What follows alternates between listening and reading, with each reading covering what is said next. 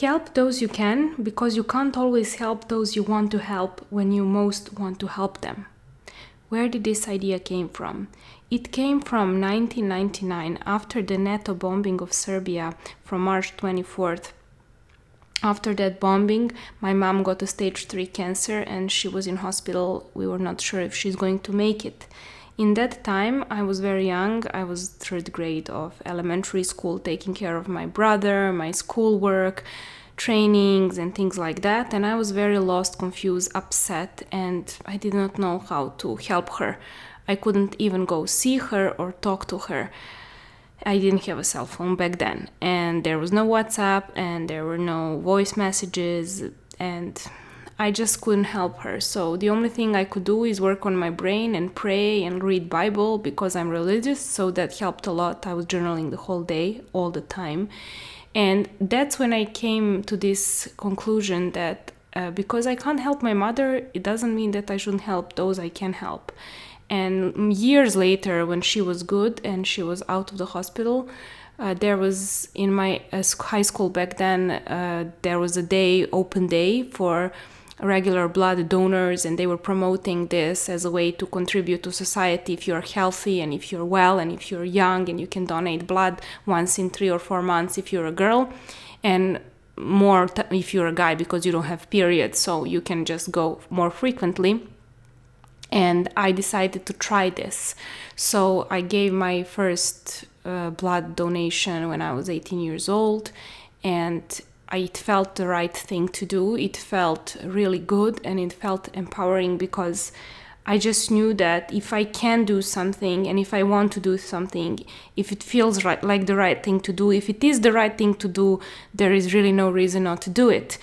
And this regular blood donor thing is just one of the examples how I choose to contribute with what I have, whether it's time, money, um, blood connections, like anything and everything that I can to help another fellow human, I will do it. And I'm not ever expecting anything in return. My reason for doing it is because I remember how I felt when my mom was sick and I couldn't help her, and how horrible that situation was, and I remember it now in my bones.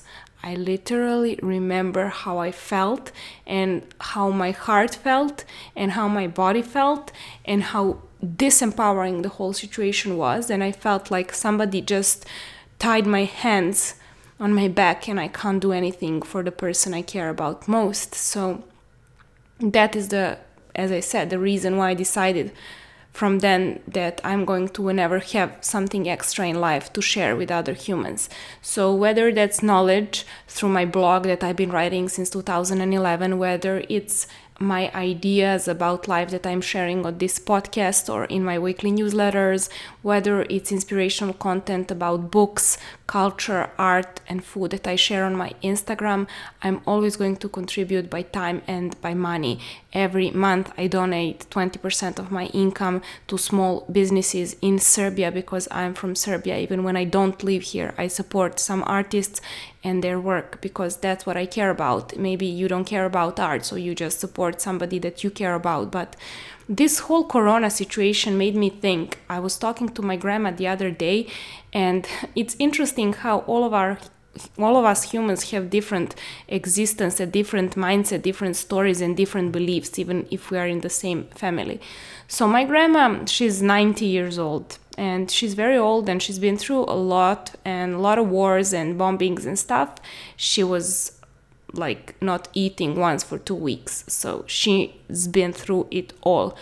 She was taking care of her siblings, cleaning the house, cooking, and she has this very, very, very closed mindset when it comes to money and sharing with others and just like contributing to other people in that way with money. So I remember when we were young, she would always say, Never tell anyone you have money. People will just, maybe they will rob you, they will be jealous, always hide the money. And now that I'm older and I told her that I supported some ladies that come and clean my house, I gave them money. Basically, I prepaid them because they're gonna just continue cleaning my house after this is over. Right now, I'm doing it myself because I have the time, but uh, when I work, I don't have the time, so it pays off more to pay them than for me to do it for two hours every weekend. And she said, Why did you prepay them? That's really unsafe. That's very responsible, Jovana. You shouldn't have done that. You should always like take money for, for yourself, especially in these kind of se- severe situations. It's like a state of emergency in Serbia and you're like being reckless with your money.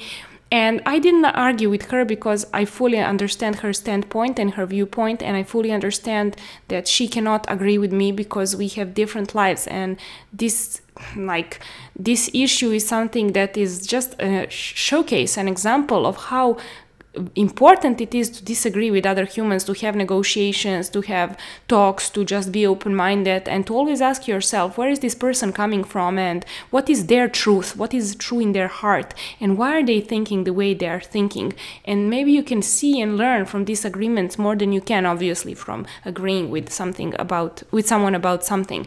So, this also made me think because I'm all the time thinking these days. I have a lot of time on my hands, so I'm just thinking, journaling, reading, and working basically. And I was thinking about how do we expect other people and universe or God and whoever to support us if we don't support ourselves and those we can support? Because we are always expecting from help for help to come from somewhere else and we never think about who can we offer to help today. Because no matter how little you have there is someone who has less. So if you don't have time there is someone with five kids right now a single mom. If you don't have money there is someone living on a shelter right now. If you don't have energy there is someone fighting for their life right now. So there is no excuse. There is always someone who has it harder than you. So you should always put the focus on that, that whatever, however much you have, it is more than enough to help somebody who has less. And this is the same when I talk about business. If you've never invested $3,000 a month in a program of self development, how do you expect to charge $3,000 and to sell that? Because if you've never done it and if you never supported another human, it doesn't have to be that program. That is the program that I'm very passionate about. That's why I'm mentioning. But if you never bought an ebook for $10 and you want to sell your ebook for $10 and you have an issue doing that, maybe you should start wondering why are you expecting for someone else to support you if you've never moved your ass to support another fellow human.